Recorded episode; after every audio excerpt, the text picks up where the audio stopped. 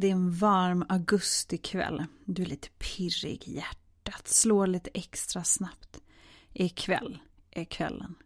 Du och din snygging till pojkvän ska äntligen ligga. Det där med sex, det kan du ju redan. Du har ju legat med din äkta make.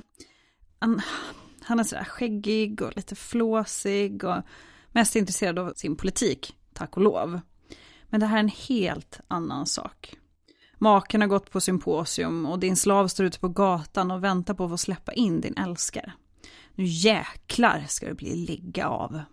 Men först, lite förberedelser. Du har sminkat dig, släppt ut ditt långa hår.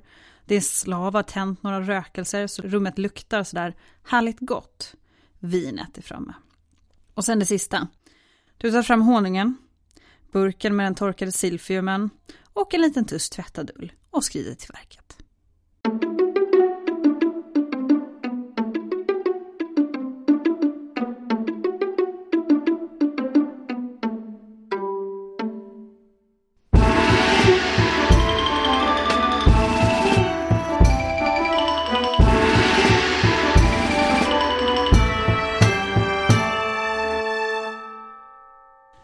Hej och välkomna till Podius Castus, en podd om antiken.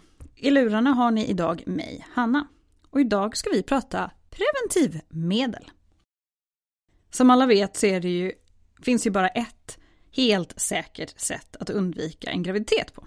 Och det är såklart att inte ha sex alls. Eller om man kan, så kan man ju ha sex med en person som inte kan göra dig gravid, eller på ett sätt som inte kan göra dig gravid. Men eftersom man har kunskap kring exakt hur det går till när ett ägg möter en spermie är relativt modern och inte har varit så vida spridd i många samhällen är den här sista varianten kanske inte helt lätt att upprätthålla. Och till det ska också tilläggas att begreppet eller tanken stopp min kropp inte alls var ett koncept som var speciellt eh, vida utlärt under antiken. I vissa situationer fick du helt enkelt finna dig i att ha sex oavsett om du själv ville det eller inte. Så det är inte alls speciellt konstigt att metoder för att undvika graviditeter uppkom i den antika världen. Och det är just det vi ska prata om idag. Hur man ska göra för att inte bli gravid. Det finns ju såklart lika många anledningar till att vilja undvika en graviditet som det finns människor. Men några vanliga anledningar under just antiken var att det innebar en ganska stor risk för kvinnan att föda barn.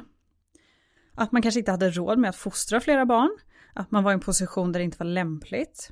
Man kanske till exempel var ogift, var sexarbetare, hade avlagt kyskhetslöfte eller att man hade varit otrogen och så vidare. Finns så många skäl. Men det var en ganska stor fråga. Ett av de absolut vanligaste sätten för att förhindra en graviditet är att amma. Men, och det är ett ganska stort men, det är inte på något sätt hundraprocentigt. Den här metoden funkar bäst under de första sex månaderna efter en förlossning och bara man helammar och inte har fått sin mensen. Men eftersom att mensen kommer först cirka 14 dagar efter en ägglossning kan man ju faktiskt hinna bli gravid innan man vet att ägglossningen har kommit igång igen. Så därför är den här metoden inte helt hundra, men absolut en väldigt vanlig metod som användes under antiken. Det vanliga var att man kanske ammade, om man själv ammade så ammade man två, tre år. Och helt klart en mycket säkrare metod än flera av de andra jag kommer ta upp idag. Men för att ge oss en liten referensram till det här med säkra preventivmedel så kan jag berätta att om man använder p-piller så har de en säkerhet på cirka 92-99%. Och den lägre siffran det är då vid så kallad typisk användning, alltså man slarvar lite. Och 99% är vid perfekt användning. Samma siffror gäller för hormonspiraler med till och med lite högre. En kondom, den ligger på en säkerhet på mellan 80 och 98 procent. 80 är ju då som sagt vid typisk användning och lite slarv. Ett pessar, alltså som man stoppar in i vaginan som en blockad, har en säkerhet på mellan 85 till 95 procent. Och det här är ju om man använder spermiedödande medel tillsammans med det här pessaret som då ska vara utprovat för att det ska vara rätt storlek. Men alla de här sakerna är ju moderna uppfinningar. Så hur gjorde man under antiken då? Jo, gott om alternativ, det fanns det. Mycket av kunskapen kring det här ämnet var ju såklart sånt som traderades och kanske främst bland kvinnor. Och därför finns det inte, finns nog inte allt kvar, men det finns faktiskt ganska många skriftliga källor som tar upp det här och tar upp olika metoder, eh, både ibland till och med för och nackdelar. Och några exempel som man kan ta till om man inte vill bli gravid kommer här. Först ut säger då den grekisk-romerska världen. Och där finns en växt som kallas silfium. Eh, och det är ju den som jag nämnde här i början på inledningen. Den växte i staden Kyrene som ligger i dag, eller låg i dagens Libyen. Och den här växten användes främst som krydda men också som någon form av allround läkemedel och bland annat då som preventivmedel. Växten blev så pass populär att den var stadens stora exportvara och präglades på deras mynt. Men den blev till slut så pass dyr att den var värd sin vikt i silver och till slut så skördades den så hårt att den faktiskt dog ut. Så runt 100-talet, 200-talet efter vår tidräkning ska det alltså inte ha funnits någon mer silfium att tillgå. Men det man gjorde med den var ju troligen då att man blandade ut den i vatten eller vin och att den dracks. Och det här var kanske mer som ett, vad vi skulle kalla dagen efter-piller eller abortmedel än ett, enligt våra mått mätt, preventivmedel. Samma sak gäller örten polejmynta som man också använder på liknande sätt. Den nämns till och med i, som skämt i antika pjäser, vilket tyder på att det var så pass välkänt att de flesta skulle förstå den här referenshumorn. Men polejmyntan, den är faktiskt giftig, så det gäller ju att ha rätt dos. Den kan bland annat orsaka skador på lever och njurar, så att ingenting man ska testa hemma. Och de här två växterna som man använder är ju lite utav ett exempel på att gränsen mellan preventivmedel och abortmedel inte verkar vara så tydlig under antiken. Och det är väl troligen för att man inte hade stenkoll på hur det här med befruktning och framförallt ägglossning fungerar. Och då är det ju svårt att veta exakt hur man ska göra för att förhindra det. Och det är också inte helt enkelt att veta när man faktiskt har blivit gravid. Så att den gränsen där är lite luddig. Men sen har vi en filosof, den grekiska filosofen Aristoteles. Han levde på 300-talet före vår tideräkning. Och han rekommenderade att man skulle smeta sederolja på livmoderns mynning, alltså inne i vagina, före man har sex. Han verkar inte haft någon speciellt bra koll på det här med befruktning och ägglossning och spermier. Så troligen var resonemanget kring det här rådet helt enkelt att den glatta ytan som oljan skapar skulle förhindra sperman att få fäste. Och riktigt så funkar det inte, det vet vi ju idag. En annan känd grek, denna gång faktiskt en läkare, var Hippokrates. Han föddes cirka 460 före vår tidräkning och dog 370. Och han hade ett annat knep. Han rekommenderar att man ska göra en så tjock mix av bönor och vatten som man bara kan. Dricka det och sen kommer man inte bli gravid på över ett år. Känns inte helt hundra, eller hur? Men det finns också fler metoder. Och i de här hippokratiska texterna kan man läsa att man ska blanda ut kopparsalt i vatten och dricka det. Och det ska också förhindra att man blir gravid i ett år. Och det här är ju såklart farligt, så det ska man absolut inte testa. Men kan också därför ha haft viss effekt. En lite mer icke-invasiv och eh, kanske mindre farlig metod är en preventivmetod som den grekiska läkaren Soranos från Efesos beskrev. Och han levde på 100-talet efter vår tideräkning, så det har gått lite tid mellan de här personerna. Och den här metoden är ganska enkel. Precis när mannen håller på att komma, då ska kvinnan hålla andan och dra sig undan lite grann, så att sperman inte kommer så långt in. Sen ska hon direkt sätta sig på huk och börja nysa och torka sig ordentligt mellan benen och upp i vagina. Hon kan ju också dricka något kallt så livmodern liksom drar ihop sig. Och det här låter ju som en riktigt dålig variant utav avbrutet samlag. Men Soranos hade faktiskt ganska många bra knep, så att inte bara det här med att hålla andan och nysa. Till exempel så tar han upp att kvinnan före samlaget kan smeta livmoderhalsen, eller så långt in man kommer med i vagina, med olivolja, honung eller kåda från cederträ. Antingen bara som det är, helt rent, eller utblandat med blyvitt. Vilket såklart är giftigt. Och tanken med den här metoden är att livmoderhalsen ska dra ihop sig och på så vis hindra sperman för att kunna ta sig in i livmodern. Och så funkar det ju inte, även om till exempel blyvitt säkert hade en viss effekt.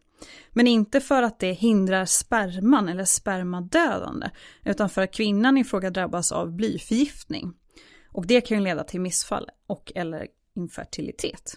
Eller såklart också döden. Han nämner också att just ull går att använda ganska bra som pessar.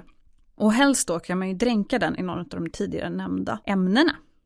Och just pessarer eller vaginalpluggar kanske man ska kalla det, i olika former verkar ändå vara ett bra go-to.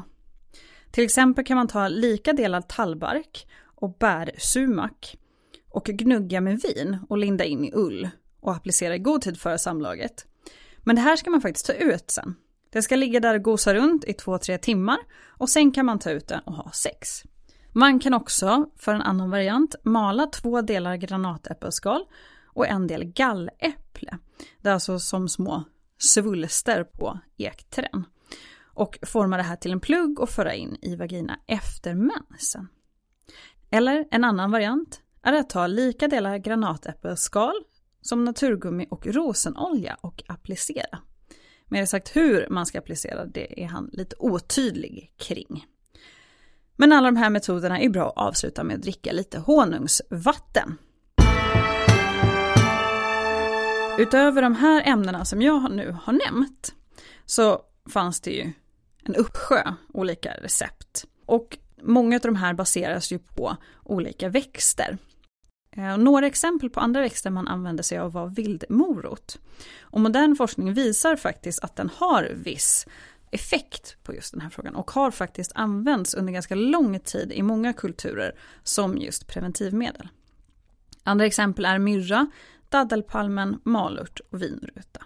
Och även om de här metoderna kanske inte är supersäkra eller speciellt effektiva så finns det ändå någon typ av logik i det.